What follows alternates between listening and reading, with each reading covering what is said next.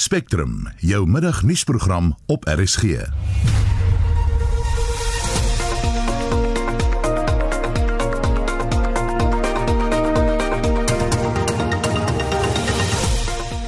In vermiddag se program die skietdood van Mtukosisi Ntumba aan die hand van die polisie word ondersoek. I period been to the crime scene yesterday and we sort of were able to collect numerous voluminous evidence. Intussen sê die Universiteit van die Witwatersrand dat die kwessie van studentebefondsing landwyd 'n groot probleem is. I'm aware also that, of course, on their side, the economy has shrunk by 7%. The national coffers are also not unlimited. Ons vra waarom die polisie steeds so hardhandig optree teen studente betogers en 'n nuwe maatskappy word bekend gestel wat dorpe sal help om selfonderhoudend te wees. Welkom by Spectrum. My naam is Susan Paxton.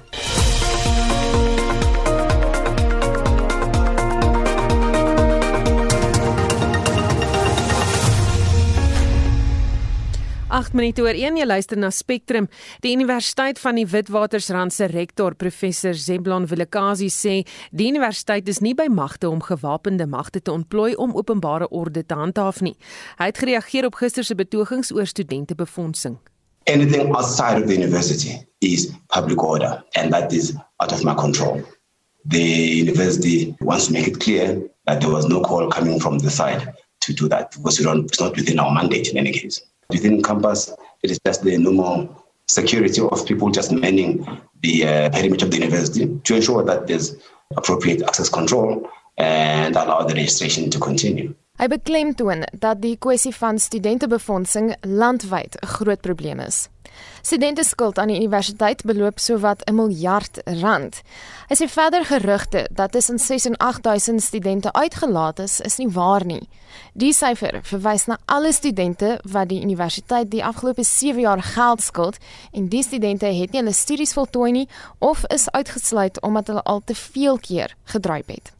Hy sê verder die universiteit het sowat 300 miljoen rand beskikbaar gestel aan NSFAS studente om te registreer indien hulle nog nie hulle geld ontvang het nie. Hiermee saam is 'n een eenmalige COVID-19 fonds van 10 miljoen rand gestig en 17 miljoen rand word op sy gesit vir diegene wat dit glad nie kan bekostig om te studeer nie. Hy Dinsdag vir die 8ste keer met die studenteraad hieroor vergader. On Monday, I tried to reach out Tuesday night, yeah, before this to the SSC president to have a one-on-one with him and get his team to come and meet us. And that is something that the dean, we are meant to have met them yesterday, but there was this incident. And today we are having another meeting. Something to the order of 27,000 of the 37,500 or so students at VETS are on some form of scholarship, financial aid or bursary. So that comes to about a billion rand that the university dedicates to this uh, management of scholarship. On a year by year basis. Vilakazi waarsku egter dat die universiteit se vermoëns beperk is. I think you can solve it as a society, civil society, government and the private sector to see how do we not go back to the situation that we found ourselves in today or yesterday and uh, the ones that we found ourselves. Even every year there's been protests over this issue. We try to patch here and there, but we've never really found a sustainable solution going forward. Hy vra dat die departement van hoër onderwys duidelike riglyne verskaf oor hoe die kwessie op praktiese wyse ontlont kan word. I'm aware also that of course on their side the economy has shrunk by 7%. The national coffers are also not unlimited. So it's a tough question and I've got no direct answer for that but I think at least we need guidance. Dit was Witse rektor professor Zeblon Vilakazi. Marlene Forsie is ikonies. Die minister van hoër onderwys Dr Blyden Semande het intussen die uitkoms van 'n kabinetsvergadering oor NSFAS bekend gemaak. Die organisasie word gekritiseer omdat hy geld laat laat uitbetaal en die onregmatige besteding van miljarde rand die afgelope 3 jaar. Cabinet agreed that funding should be reprioritized from the budget of the Department of Higher Education and Training in order to ensure that all deserving NSFAS qualifying students are able to receive funding support for the 2021 academic year. Further reprioritization can only be considered as part of the medium term budget process of government, which takes place later this year. This decision has been taken in the context of funding cuts and the impact of the COVID 19 pandemic. Die registrasieproses by openbare universiteite kan dus hervat. Non-NSFAS qualifying students have been affected by these delays as universities have agreed to extend the registration period to ensure that students without funding decisions would not be prevented from accessing a place that they qualified for. We agreed with the vice chancellors on Monday that the registration period is extended for first time entering students until the end of next week. Die departement moet verder beleid oor die regering se befondsing van studente hersien. The purpose of this process will be to look carefully at the funding requirements to support students in financial need in the post school education and training system, to model the holistic requirements, including those from poor and working class backgrounds, as well as from those in the category we refer to as the missing middle. Die toename in studenteskuld moet ook hierby ingesluit word. Government is firmly committed to implement the policy of providing fee free and fully subsidized higher education support to students from working class and poor background, whilst also putting a sustainable mechanism in place to support students from the so called missing middle income brackets. Hy vra dat tersiêre instellings en NSFAS saamwerk wat registrasies betref en vra studente om die relevante strukture te gebruik om probleme aan te pak. We cannot afford at this time to enjoy disruption to the 2021 academic year, which is already starting later than usual due to the extended 2020 academic year and the delayed National Senior Certificate results. Dit was die minister van hoër onderwys, Dr. Blyt Nzimande. Marlene Forsie gaan nuus. Die onafhanklike polisie ondersoekdirektoraat ondersoek die skietvoorval gister tydens die wit studente protesoptog in Braamfontein. Die 35-jarige Montokosisi Ntumba is doodgeskiet toe die polisie die studente met rubberkoels uiteengejaag het. Twee studente is ook beseer. Die woordvoerder van Opot, Ndeleka Shola, sê Opot het tydens sy voorlopige ondersoek heelwat bewyse ingesamel. IPD is investigating death as a result of police action. That is what we are investigating, and that is what the investigation is going to reveal to us. At this particular point in time, it is still an allegation, but safe to say that IP has been to the crime scene yesterday, and we sort of were able to collect numerous voluminous evidence, and our investigators have been working around the clock processing the evidence so that we are able to sort of dig deep and uh, verify any sort of information that's unverifiable. And as we're doing that, we're also going to be relying on technical reports. We're going to be taking the firearms that we have already confiscated and they are going to be taken for ballistic analysis. There's also going to be post-mortem as well, which is also going to assist a great deal um, in getting uh, more information and more details in terms of what transpired in this particular case, and as well as some of the SAPS officials that were in the scene. We are also getting witness statements from them, and as well as just the detailed accounts of what has transpired as they were carrying that particular operation. Shola kan nie bevestig of polisie met skerppunt ammunisie geskiet het nie. Not at this point in time because this investigation is in infancy stages. Once we at least get ballistic analysis report, and then we'll get a sort of indication of what sort of ammunition was used in this particular incident. But at this point in time, we cannot detect that. But our detectives are working around the clock, as I've indicated, to ensure that we get all those sort of details to assist us to at least ensure justice for the family. Shola het onderneem om die ondersoek so gou as moontlik af te handel. An investigation process, especially when you have voluminous evidence to process, does sort of take its time. Remember, there are also dependencies. We are going to depend on the analysis of ballistics, which is not within our speciality. The autopsy that has got to be taken for analysis is not within our speciality. But as I've indicated, we are working around the clock and we are doing our utmost best to ensure that we bring justice and we ensure that any sort of evidential information that we have, we preserve it and uh, we're going to use it in the court of law ultimately. En natuurlik die uh, woordvoerder van uh, Opot gewees. Sy naam is Ndeleka Shola. Die organisasie Right to Protest sê die kultuur om geweld te gebruik teen mense wat protes aanteken het tot die sinnelose moord van Mtukosisi Ntumba gelei. Right to Protest Stanley Malamacha sê die polisie moet herbesin oor die gebruik van geweld tydens optogte. Research has shown that the issue of police brutality, then the inappropriate and excessive use of force, it's so deeply enrooted into the system of South Africa that there's little that is done because there's no accountability to police who are using force excessively and inappropriately. We need to go back and think what is the purpose of discharging a rubber bullet? What is the purpose of throwing a tear gas canister? Now, the purpose is to disperse the crowd and not to inflict injury. But the manner in which those uh, weapons are used, now we can see that the police are not there to disperse the crowd, but they are there to inflict injury. And that injury is so inflicted so as to instill fear and to silence dissent because we are dealing with a state that does not like accountability. And immediately when people come out and exercise their constitutional right to protest and seek accountability, the state will do anything to muzzle those people. We saw the miners in Marikana. We saw how Andries Tatani, who was exercising his constitutional right and, you know, fighting for right to basic services. I mean, a basic service. We saw how he was muzzled. He's six feet underground, and the police officer who shot him is still in service. Malamacha sê die wet is baie duidelik oor protesoptogte en wat die owerhede moet doen in sulke gevalle. The law that we have, the law that uh, the principal legislation which uh, regulates protests and gatherings is the Regulations of Gatherings Act uh, 205 of 1993. Now, what that act, when it gets into the definition of a gathering, it tells you that it is a procession or a march on a public road. So already it is expected when the drafters of the legislation expected that uh, protest will take place on public roads, therefore disturbing traffic. Now, the distinction that we need to draw is is disturbing a traffic equivalent to being violent? And that is not, because violence is when you have a threat of harm you possess a threat of harm towards a person or property. Now, just blocking the road, it disturbs traffic.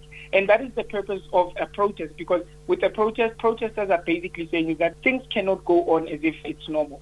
Malamacha sê daar moet dringend ondersoek gedoen word oor betogings en hoe dit bestuur word. I think as civil society and as government, especially SEPS public order policing, I think we need to have a roundtable discussion. We need to discuss what are their issues when it comes to protest. So from there, we will be able to come up with a solution to say how do we best handle things so that during protests people do not die, so that people do not throw stones. En dit was Stanley Malamacha van die organisasie Right to Protest. Ons bly by die onderwerp en praat nou met Dr. Johan Burger, 'n konsultant by die Instituut vir Sekuriteitsstudies in die Justisie en Geweldsvoorkomingsprogram. Goeiemôre Johan. Goeiemôre Susan. Kom ons praat 'n bietjie oor wat is die verantwoordelikheid van die betoger in vergelyking met die verantwoordelikheid van diegene wat openbare orde moet handhaaf. Wel, jy weet die uh, wet op die uh, reëling van byeenkomste is, is baie baie duidelik en spesifiseer die ehm uh, verpligtinge van eh uh, uh, diegene wat sulke byeenkomste reël. Ehm um, en uh, jy weet die klem word geplaas op vredesame byeenkomste natuurlik. En uh daar is 'n uh, 'n uh, reëling ook dat uh, normaalweg ten minste kennis gegee moet word aan die owerhede ten opsigte van die uh bedoeling om so 'n byeenkoms te hou uh waar wanneer en indien dit ehm uh, uh iets is wat 'n bepaalde roete gaan volg ook daardie roete aandui sodat die uh owerhede en in hierdie geval spesifiek die polisie dan presies weet waarvoor hulle uh hulle self moet voorberei. Uh maar die hele gedagte is dat ehm um, en dit word in die wet ook natuurlik beliggaam is dat dit uh moet ehm uh, vreedsaam wees. Die klem lê op vreedsaam ehm um, met die erkenning van die uh grondwetlike reg om uh protes en ander tipe openbare byeenkomste te hou. So ehm uh, daar's natuurlik veel veel meer binne hierdie wet Maar daar is so klagtes oor die wet, beswaar dit in die wet. Die wet is 'n uh, relatief ou wet van 1993 gekom voor die konstitusionele veranderings in 94 en die wet maak byvoorbeeld onder meer daarvoor voorsiening dat die polisie dodelike geweld kan gebruik onder sommige omstandighede. Dit is al reeds in ons howe uitgewys. So uh, hierdie wet moet dringend hersien word. Maar dit is wat ons het op die oomblik. Hmm. Is 'n bietjie 'n teenstelling hierdie reg om 'n uh, protes aan te teken en 'n betoging deel te neem, maar die polisie mag ook hierdie tipe geweld gebruik. Ja, wel, jy weet, uh, soos ek sê, daardie wet is verouderd. Dit is reeds deur die uh hof uh ehm uh, jy weet as as uh, ongrondwetlik verklaar daardie spesifieke gedeeltes wat dodelike geweld magtig en natuurlik die polisie se eie nasionale instruksie ehm uh, is reeds in lyn min of meer met waar ons nou is. Daar word geen voorsiening gemaak vir die gebruik van dodelike geweld en hantering van uh, openbare byeenkomste nie. So uh, daar's geen rede nie uh hoekom mense moet sterf uh, tydens die hantering van hierdie soort byeenkomste nie. En en sekerlik nie aan die hand van die van die polisie nie. So uh so, so daardie daardie uh bepaling in die ou wet op die reëling van byeenkomste is reeds uh deur die die hof on, as ongrondwettig uh bevind so daardie bepaling geld nie meer nie. Dit is maar net dit is aanduidend van hoe verouderd daardie wetgewing reeds is en dis hoogtyd dat daardie wet nou uh, in pas gebring moet word met waar ons nou staan en wat die grondwet uh voorsiening voormaak en nie.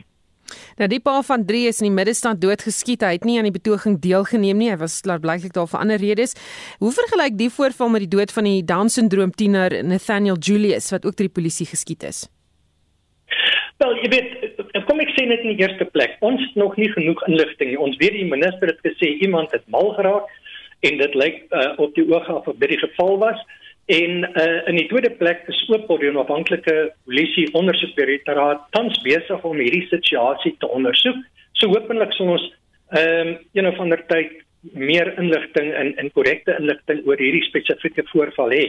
Maar jy weet in in die in die geval van Julie's uh lyk dit asof uh individuele polisielede uh doelbewus ehm uh, hierdie jong man gevat het en hom uh uh nader getrek het en uh bepaalde hulle hulle optrede uh wat hom persoonlik gerig in die geval wat ons uh, nou gehad het van meneer Ntumba wil dit meer lyk asof hy moontlik 'n onskuldige slagoffer was van ehm uh, een of ander weet ons weet nog nie eers of dit wat presies hom getref het nie. Was dit iemand wat iewers met skerp ammunisie geskiet het? Was dit 'n rubberpool wat uh, die verkeerde teiken getref het? Ons weet nog nie genoeg daarvan nie. So ek dink dit verskil verskil uh taamlik in wat dit aan betref. Taamlik duidelik van die geval uh wat in Julie se geval gebeur het. Dan studentebetogings aan die begin van die jaar is nou al byna 'n instelling. Pas die polisie die nodige veranderinge toe soos wat die tyd aanstap, kry hulle opleiding, berei hulle behoorlik voor. Ja, Susan, hierdie is 'n baie baie 'n netelige kwessie eintlik en ek dink dit hou in 'n sekere sin verband met die gebreke wat al hoe meer duidelik na die oppervlak kom sover die polisie moet ry. Volgens die polisie se laaste jaarverslag wat ons wat ek onder oog gehou het gehad het, eh uh, gaan opleiding voort. Jy weet, hulle gee getalle, taamlik indrukwekkende getalle van eh uh, lede wat in die openbare orde eenheid ehm uh, verbonde is wat deurlopend eh uh, opleiding ontvang.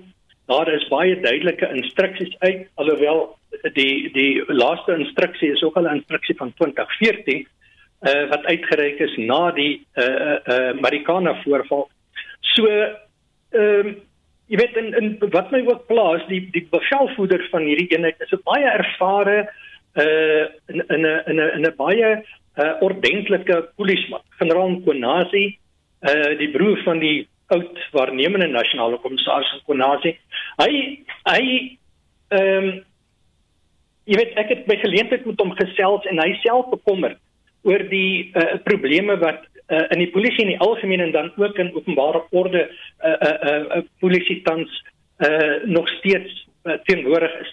Maar ehm uh, jy weet met so iemand in beheer sou mens verwag dat die openbare orde eenheid 'n meer doeltreffend sou optrede in hierdie geval by Wits byvoorbeeld. Dis tog baie duidelik dat hulle maande lank geweet het uh hier kom probleme rondom hierdie fooie kwessie. Dit is al lank al in die nes.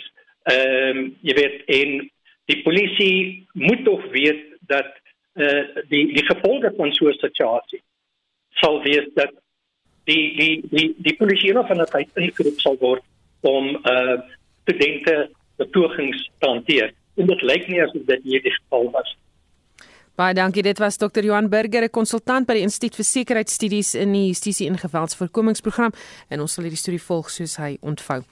Mynbouproduksie het in Januarie met 6,2% jaar op jaar gedaal. Dis volgens Statistiek Suid-Afrika se jongste mynboustatistiek wat vroeër bekend gemaak is. Ons praat met die ekonom van die Optimum Beleggingsgroep, eh, Dr. Rolof Botha. Goeiemôre Rolof. Goeiemôre julle. Wat het die grootste bydrae gelewer tot hierdie statistiek? Uh die vervaardigingssektor. Nee, van die mynbou sektor. Mynbou, uh, jammer.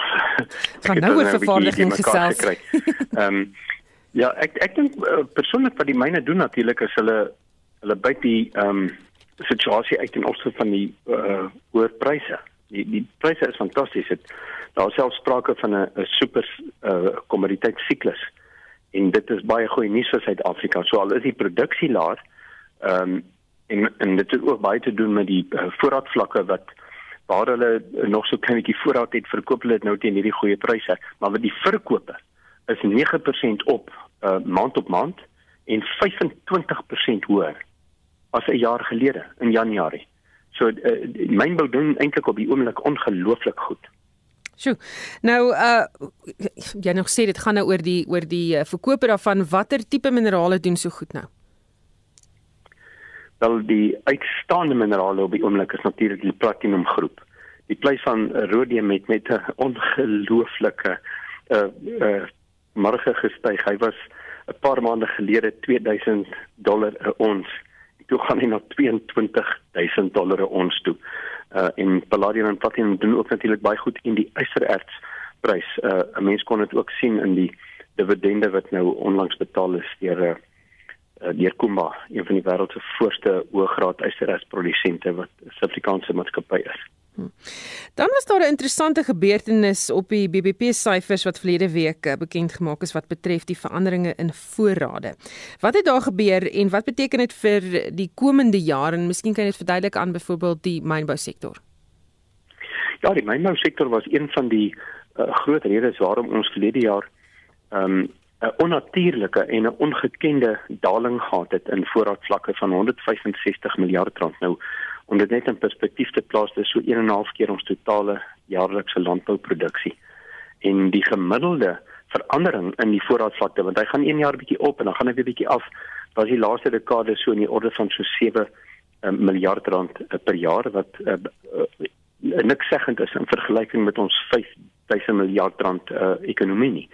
Maar om nou ewe skielik uh, 165 miljard rand daling te hê in voorraadvlakke sê mense uit die aard van die saak het dit baie te doen met die pandemie. Uh veral in die mynbou sektor die die uh, gebruikmaking of nee, ek wil nie die woord uitbuiting gebruik nie, maar hulle het gebruik gemaak van die van die goeie pryse uh en waar hulle voorrade gehad het natuurlik uh, dit verkoop en dit het tot daai daling aanleiding gegee. Maar die interessante is dat as dit nie was vir daardie daling in voorraadsakke nie, dan sou sou Suid-Afrika se BBP in nominale terme sou hy in 2020 gestyg en nie gedaal het nie teenoor 2019. So dit is 'n omvangryke verandering en dit is onvermydelik dat daar wel vanjaar weer voorraadopbouing sal plaasvind.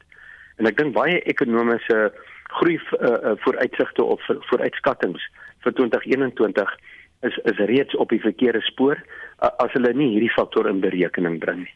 Hmm. Dan vervaardigingssyfers is pas bekend gemaak. Hoe staan sake daar? Oek, die mynwese lyk goed, maar die vervaardigingswese lyk nie goed nie, uh Susan. Uh die die maand op maand daling was uh, 8,7%. Uh Januarie is nooit 'n baie goeie maand vir vervaardiging nie. Ehm um, dit was daarom ten minste ehm um, die hoogste syfer in nominale terme nog ooit vir 'n Januarie.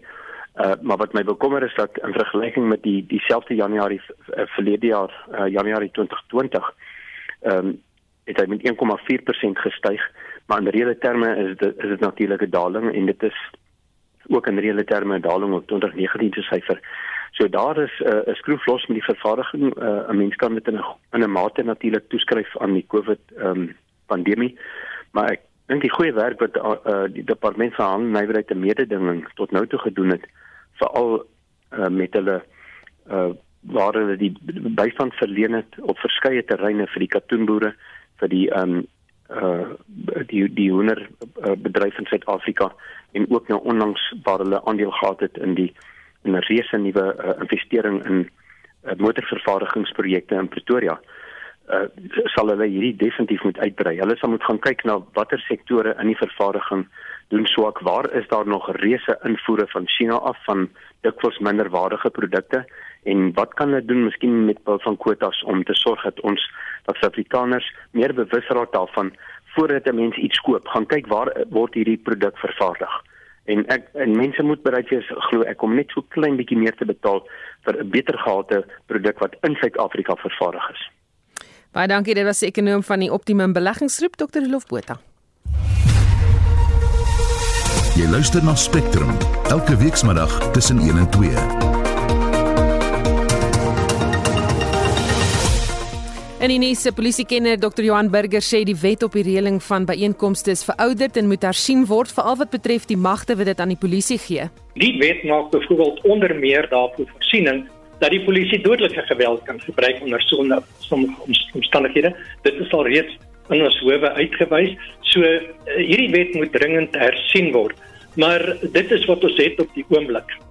Skrikwekkende statistiek toon dat kinders hulle persoonlike inligting aanlyn met vreemdelinge deel. Die grootste probleem is dat ouers tipies eers uitvind dat hulle kinders persoonlike of sensitiewe inligting aanlyn gedeel het wanneer dit klaar te laat is. En lede van die Kritleng rivier besorgde inwoners aksiegroep in Noordwes het hofstukke beteken op die munisipaliteit se plaaslike bestuurder. Bly ingeskakel vir die jongste hieroor. So 13:35 en dis die eerste ronde van die Spelerskampioenskap in die Sonskyn reeks.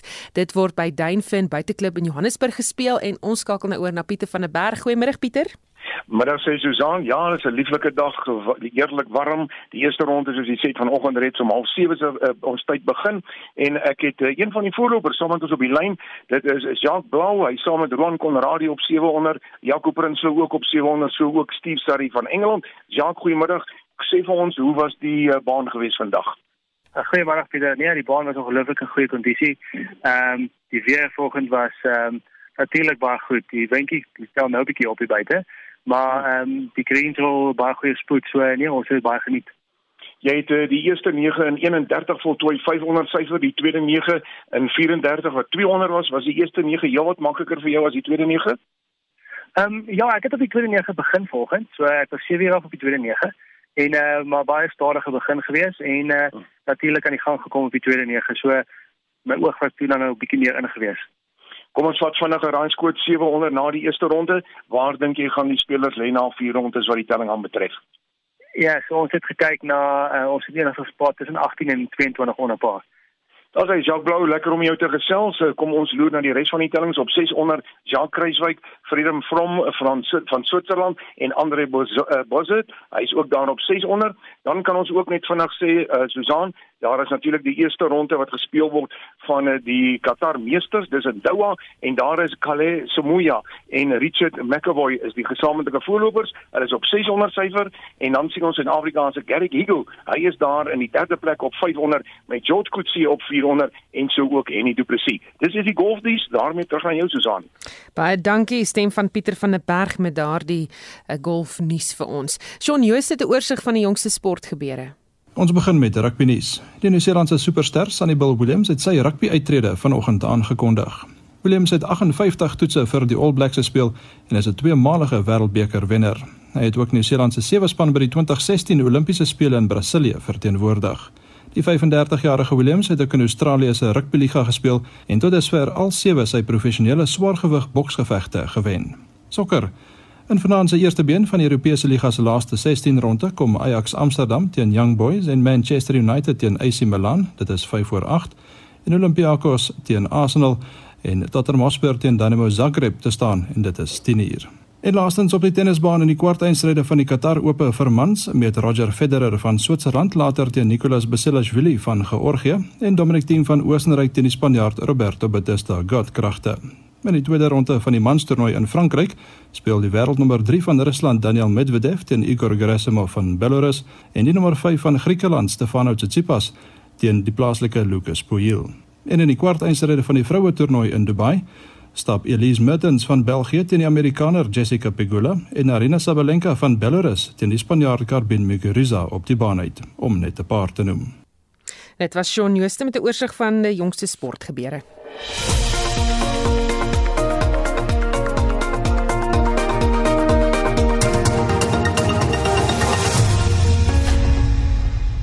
So 1338, die voormalige bestuurshoof van Transnet, Siyabonga Gama, het vanoggend begin om vir die staatskapingskommissie te getuig. Gama het die leiers in 2015 by Brian Molefe eers as waarnemende bestuurshoof oorgeneem en is 'n jaar later permanent in die pos aangestel. Esie de Klerk doen verslag. Gama het sy getuienis begin deur 'n verklaring aan die kommissie te maak. Hy het gesê hy is deur die kommissie se regspan benadeel deurdat verklaringe en dokumente oor beweringe waarin hy deur getuies voor die kommissie geïmpliseer is, nie tydig aan hom voorsien is nie. Regter Zondo het toegegee dat daar wel tye tydens die kommissie was dat dokumente nie altyd betyds aan die nodige mense gegee is nie. Kamat in fyn besonderhede uitgebrei oor die verloop van sy loopbaan. Hy was die bedryfshoof van Transnet se goederespoor afdeling tussen 2005 en 2015 voordat hy as die waarnemende bedryfshoof van Transnet aangestel is. Hy was permanent in die pos aangestel van 2016 tot Oktober 2018 toe hy deur die raad afgedank is. 'n Forensiese ondersoek oor die aankoop van die 1064 lokomotiewe teen 'n bedrag van 54 miljard rand het Gama by beweringe van wanadministrasie betrek. Gama het aan adjunkregter Raymond Zondo gesê hy is verheug om uiteindelik voor die kommissie te getuig, maar hy het een ding duidelik gemaak. I deny any and all allegations of misconduct and it as it relates to state capture in the strongest terms. Gama het getuig hy het die Gupta sake vernoot Salim Essa by Transnet se kantoor ontmoet waarna Essa hom herhaaldelik gebel het om te vra om 'n vergadering by te woon. Toe hy by die adres arriveer, het hy agtergekom dit is 'n huis in Saxonwold in Johannesburg, die woning van die Guptas. Daar het Essa hom voorgestel aan Tony Gupta. Mr. Gupta was just indicating to me that they had followed my career within Transnet. And he thought that I had done very well uh, in the company and that um, they had certain businesses and that it was their view that uh, at some point maybe we could have a discussion uh, around how Transnet and those businesses could cooperate going forward. But there wasn't really anything in particular at, the, at that point in time in terms of what it is that he thought that would do. But he, he was saying, look, uh, I think we can probably meet again uh, at a later date when we have enough time, and then I can take you through some of the entities that we have, which uh, I think might have a bearing on some of the work that you do uh, at Transnet. I was a bit annoyed because. Did you feel like your time had been wasted? I think the first thing was that I had thought that I, I am going to meet Isa at his offices and then I realized that no, we're actually at the boardroom of their residence. And was uh, Mr. Issa around as Mr. Tony Gupta was talking to you? Yes, no, he was he, he was with me uh, all yeah. the time. Uh, in, yeah. in fact, he, he walked me out as uh, yeah. as I left, and uh, I expressed my dissatisfaction to him to say, look, you should you shouldn't ambush me and uh, bring me to people's homes when I thought you wanted to talk about the business. So uh, he just said, Look, I, I just thought uh, I, I, must introduce you to Mr. Tony, as he called him, because um, this, this, family is, it does a lot of business and, uh, you know, uh, they're influential. I thought that uh, it would be good for you uh, and Transnet work with them. Gama het getuig hy het Issa daarna weer 4 of 5 keer ontmoet. Gama se getuienis voor die kommissie duur voort. Ek is Estie de Klerk vir SAK nuus. Die burgerregte organisasie AfriForum het vandag 'n private dienste maatskappy eh, genaamd Pionier bekend gestel wat dorpe waar munisipale dienste soos watervoorsiening, elektrisiteitsvoorsiening en rioolwerke gebrekkig is, in staat sal stel om die dienste self te bestuur. Ons praat nou hieroor met AfriForum se hoof van gemeenskapsontwikkeling Johan Kreer. Goeiemôre Johan. Middag Susan. Hoe presies kan dorpe wat die maatskappy gebruik self onderhoudend raak in terme van die bestuur van munisipale dienste? En Susan het gesien met die met die kostersaak waar die gemeenskap ten minste vir 'n tyd die reg gekry het om dienste te bestuur, dat dit baie belangrik is om om wel daai dienste kan bestuur en hulle kry dit goed reg, maar die unier het dit ten doel om ehm um, dorpe wat soortgelyke stappe wil neem en ons takke is ook besig met dit uh, by te staan om om wel te sien maar wat presies moet gebeur om hierdie dienste te laat lewer en hoe kan 'n mens dit volhoubaar lewer? In ander woorde ons gee tegniese en bestuursadvies, finansiële advies, maar ook help ons om die regte diensverskaffers aan boord te kry sodat ons volhoubare dienste kan bestuur. So ons bemagtig die gemeenskap, maar ook baie belangrik ons moet help om modelle te vestig waar waar die gemeenskap werklik weer self kan bestuur um, aan dienste omdat ons weer die huidige stelsel het eintlik grootliks uh, in duie gestort. Gepraat van Koster en Swartruggens in daardie gebied, die inwoners van hierdie dorpe moes eers 'n hofsaak wen om dit te kon regkry om beheer te kon neem. Sal die maatskappy daardie stap uitskakel? Dit dit behoort ehm um, alhoewel dit nie altyd ehm um, die geval sou wees nie. Um, ongelukkig is dit so dat mens waarskynlik nog sal moet litigeer totdat ons 'n model gevestig het wat waar alle rolspelers in gemeenskap en die staat natuurlik en die munisipaliteit sien dat dit meer voordelig is dat daar 'n gemeenskapskoöperatief is wat saam bestuur aan hierdie dienste onder die heilige stelsel geval het. So litigasie um, is nie uitgeskakel nie, maar ehm um, wanneer 'n mens dan die reg sou kry met uh, uh, met 'n uh, hofuitspraak is hierdie pionier 'n uh, 'n uh, 'n uh, voertuig om dan die tweede stap te kan neem, naamlik om dit werklik volhoubaar te kan bestuur want daar's 'n klomp tegniese kennis en regulasies ensovoorts natuurlik om aan te voldoen. Ehm um, en en en dit is natuurlik baie belangrik vir hierdie model dat mens wel die die dienste volhoubaar lewer wanneer jy die reg daartoe gekry het. So dis waarskynlik 'n kombinasie van die twee in die afsienbare toekoms. Waar sal die munisipaliteit dan inpas? Die, die munisipaliteit sien ons nou in Koster waar um, waar ons nou saamwerk om 'n uh, memorandum van verstandhouding met die munisipaliteit en Kogta te sluit. Ehm um, moet deel wees van hierdie koöperatiewe ehm um, regeringsvorm wat nou gest, uh, gestig moet word. Ehm um, die munisipaliteit ehm um, moet nie uitgeskakel word nie, maar moet sy rol reg vervul. Maar ander ehm um, rolspelers in die gemeenskap, byvoorbeeld 'n waterdienste verskaffer, uh plaaslike uh, gemeenskapsorganisasies ensovoorts moet wel die die waghond en bestuursrol vul op hierdie koöperatiewe ehm um, 'n model wat ons nou besig is om te skep. So die munisipaliteit ehm um, het speel 'n kardinale rol, maar die ehm um, die munisipaliteit ehm um, word word wel onder vier oë dopgehou, so jy sou kan sê deur 'n klomp ander rolspelers wat kyk waarheen vloei die geld en wie uh, word aangestel om die dienste te verskaf. Baie dankie. Dit was Afriforum se hoof van gemeenskapsontwikkeling Johan Kreer. Nou Afriforum en lede van die Getleng rivier besorgde inwoners aksiegroepe Noordwes wat die dorpe Koster, Swartruggens en Durban insluit, het vandag hofstukke beteken op die munisipaliteit se plaaslike bestuurder. Die Hooggeregshof in Noordwes het vroeër opgeskorte tronkvonnis van 90 dae opgelê aan die munisipale bestuurder Joseph Mogale omdat hy en die munisipaliteit 'n hofbevel geminag het. Die besorgde inwonersgroep of KBU wat lank of was lank in hofstryd met die munisipaliteit gewikkel oor swak dienslewering, 'n saak wat hulle gewen het en die hof het in Desember 'n interim bevel uitgereik dat die KBU sekere van die water en riooldienste in die omgewing van Koster en Swartruggens kan oorneem. Ons praat nou hieroor met een van die direkteure van die KBS Trust vir die dorp Koster, Swartruggens en Derby, Karel van Heerden. Goeiemiddag Karel. Goeiemôre en goeiemôre aan julle luisteraars. Die interim bevel is in Januarie bekragtig. Beteken dit dat julle nou beheer oorgeneem het oor die water en rioolwerke in Koster en Swartruggens? Ja, inderdaad het ons die waterwerke en die rioolwerke in beide dorpe Koster en Swartruggens oorgeneem. Uh soos die opbevel vir ons nou toelaat om dit te doen en ons het dadelik begin werk as gevolg van sekere probleme wat ons ondervind het en die redes hoekom ons hof toe gegaan het.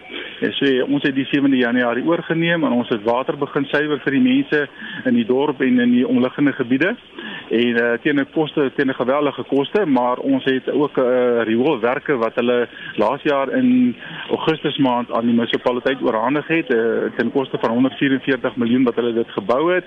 Uh, die ding is uh, die die rioolwerke het so 3 maande uh, gewerk en toe die operateurs besluit maar hulle verstaan nie hoe die hele ding werk nie en hulle die hele ding toegesluit en die riool het begin oorloop oor die hele uh, gebied daarso en as besorgde inwoners kon ons dit net nie langer aanvaar dat ons infrastruktuur so agteruit gaan nie en het ons met het ek besluit as die voorsitter van die Gautengrivier uh, belastingbetalers vereniging om 'n dringende aansoek in die Hooggeregshof om 'n water te bring teen die munisipale bestuurder ook teen die uh, regionale streeksdienste raad as ook teenoor die provinsie en dan ook die minister van waterwese en die minister van omgewingsake.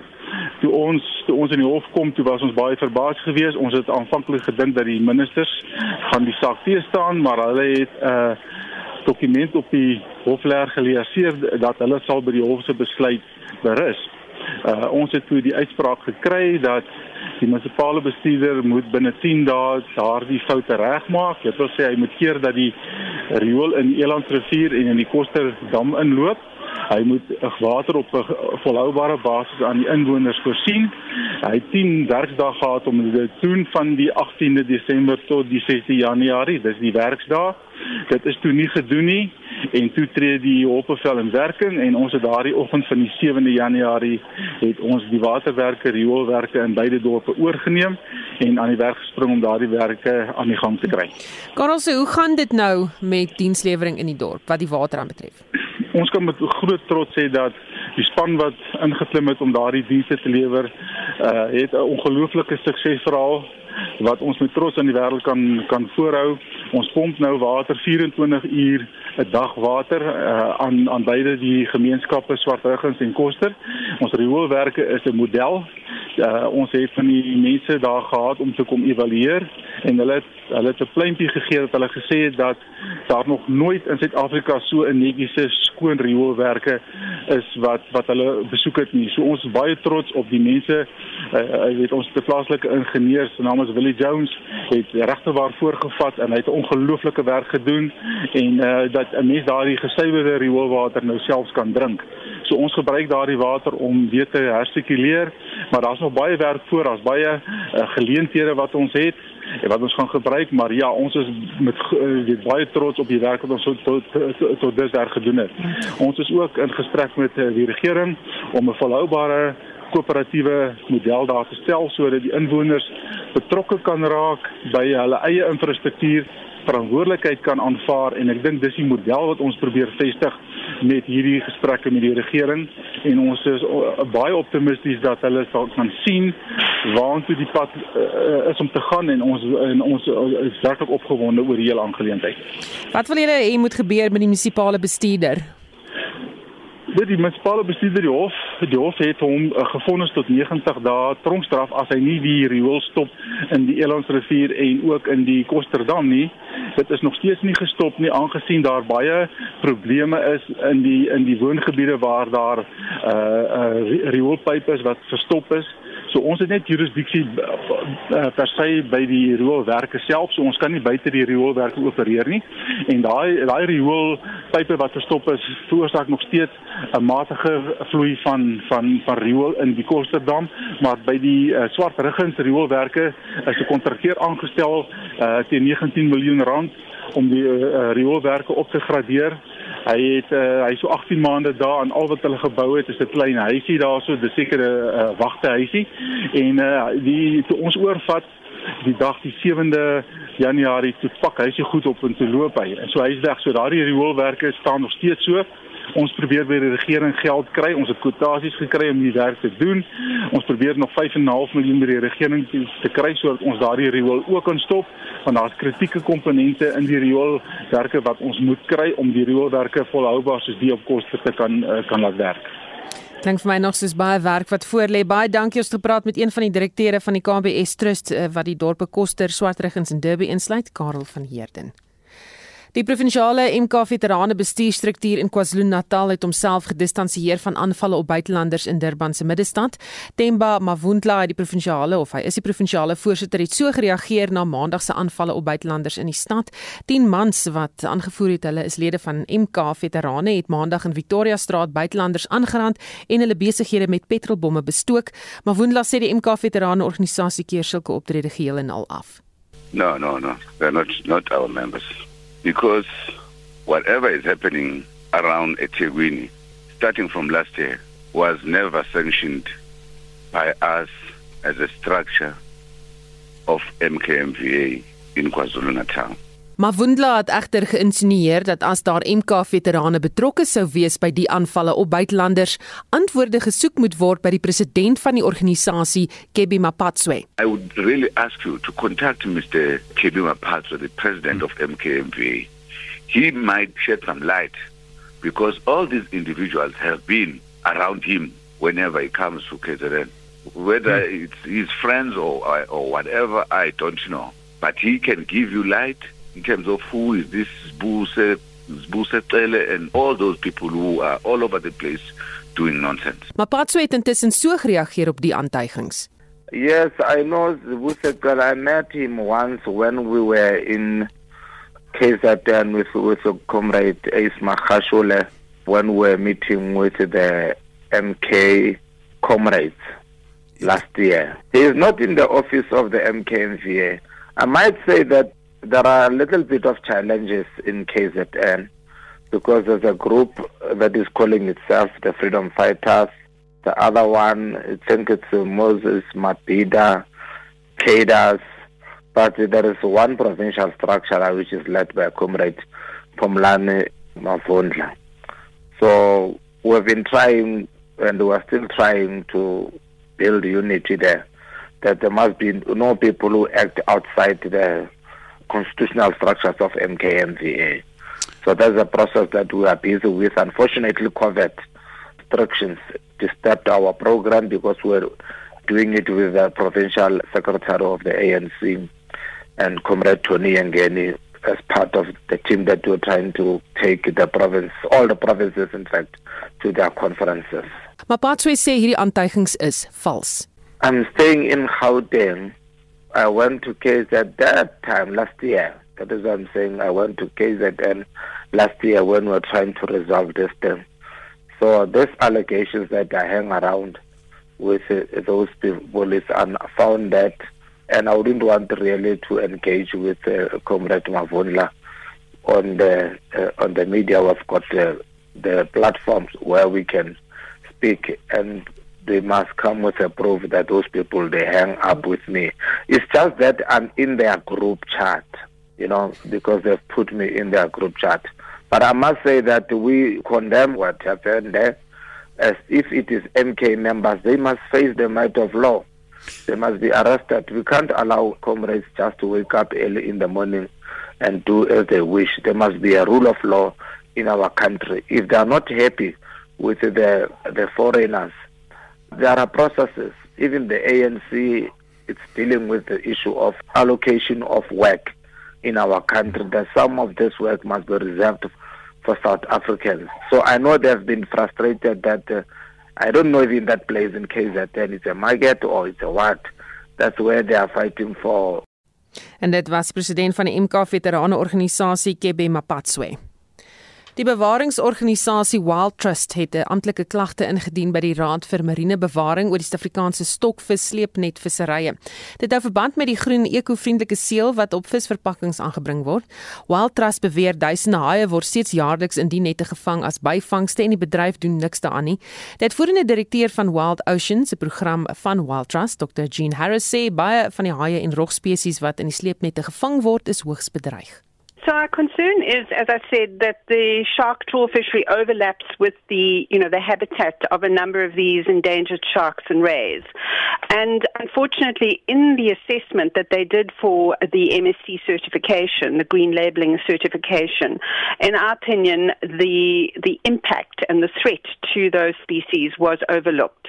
They didn't take them properly into account. They didn't have proper measures in place to try to reduce the catch. And you know, so there are a number of things we wanted them to do to fix that. One, they should be moving away from areas where the great, highly endangered species are when they see they start catching them in the catch. Secondly, they really need to be throwing them back quickly once they've caught them, etc. Harris sê baie van die haai spesies aan die Suid-Afrikaanse kus is hoogs bedreig. In actual fact, the sharks and rays have recently, in our waters, the Western Indian Ocean, the Indian Ocean waters, have recently had an assessment by the IUCN Red List, which is really a standard in terms of assessing status of species. And a whole bunch of them, of our species, have come onto the endangered list, and some of those occur in those waters.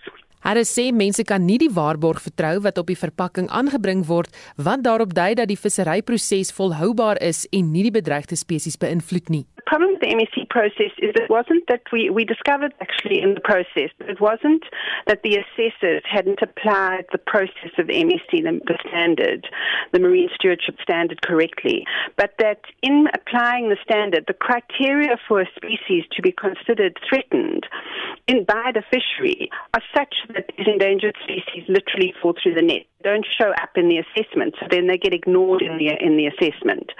So I can't give people comfort that if they buy demersal, you know, bottom trawled hake, that they're not contributing to mortality of those species. But I can say that the, the fishery has undertaken to take some measures to try to limit that. One, you know, to actually start getting better data on exactly how many and where uh, and to put in place some mitigation measures. So that was encouraging, but the problem is essentially we need to now start working with, government, with uh, the Department of Agriculture, Fisheries and Forestry, to see how they can assist by putting stronger permit conditions in on this fishery and ins- to ensure that there is protection brought to these species. En dit was Dr. Jean Harris, die uitvoerende direkteur van Wild Oceans se uh, program van Wild Trust. Net so voor ons groet Lou Ottens, die Nederlandse ingenieur wat kassette ontdek het, is die week oorlede in die ouderdom van 94 jaar oud. Sedert die bekendstelling van kassette in 1960 is daar na raming sowat 100 miljard verkoop tot nou toe. Ottens was ook betrokke by die ontwikkeling van CD's. En daarmee groet ons namens ons waarnemende uitvoerende regisseur Wessel Pretorius, die redakteur Justin Kennerly en ons produksieregisseur Lewana Bekes. My naam is Susan Paxton. Geniet jou middag.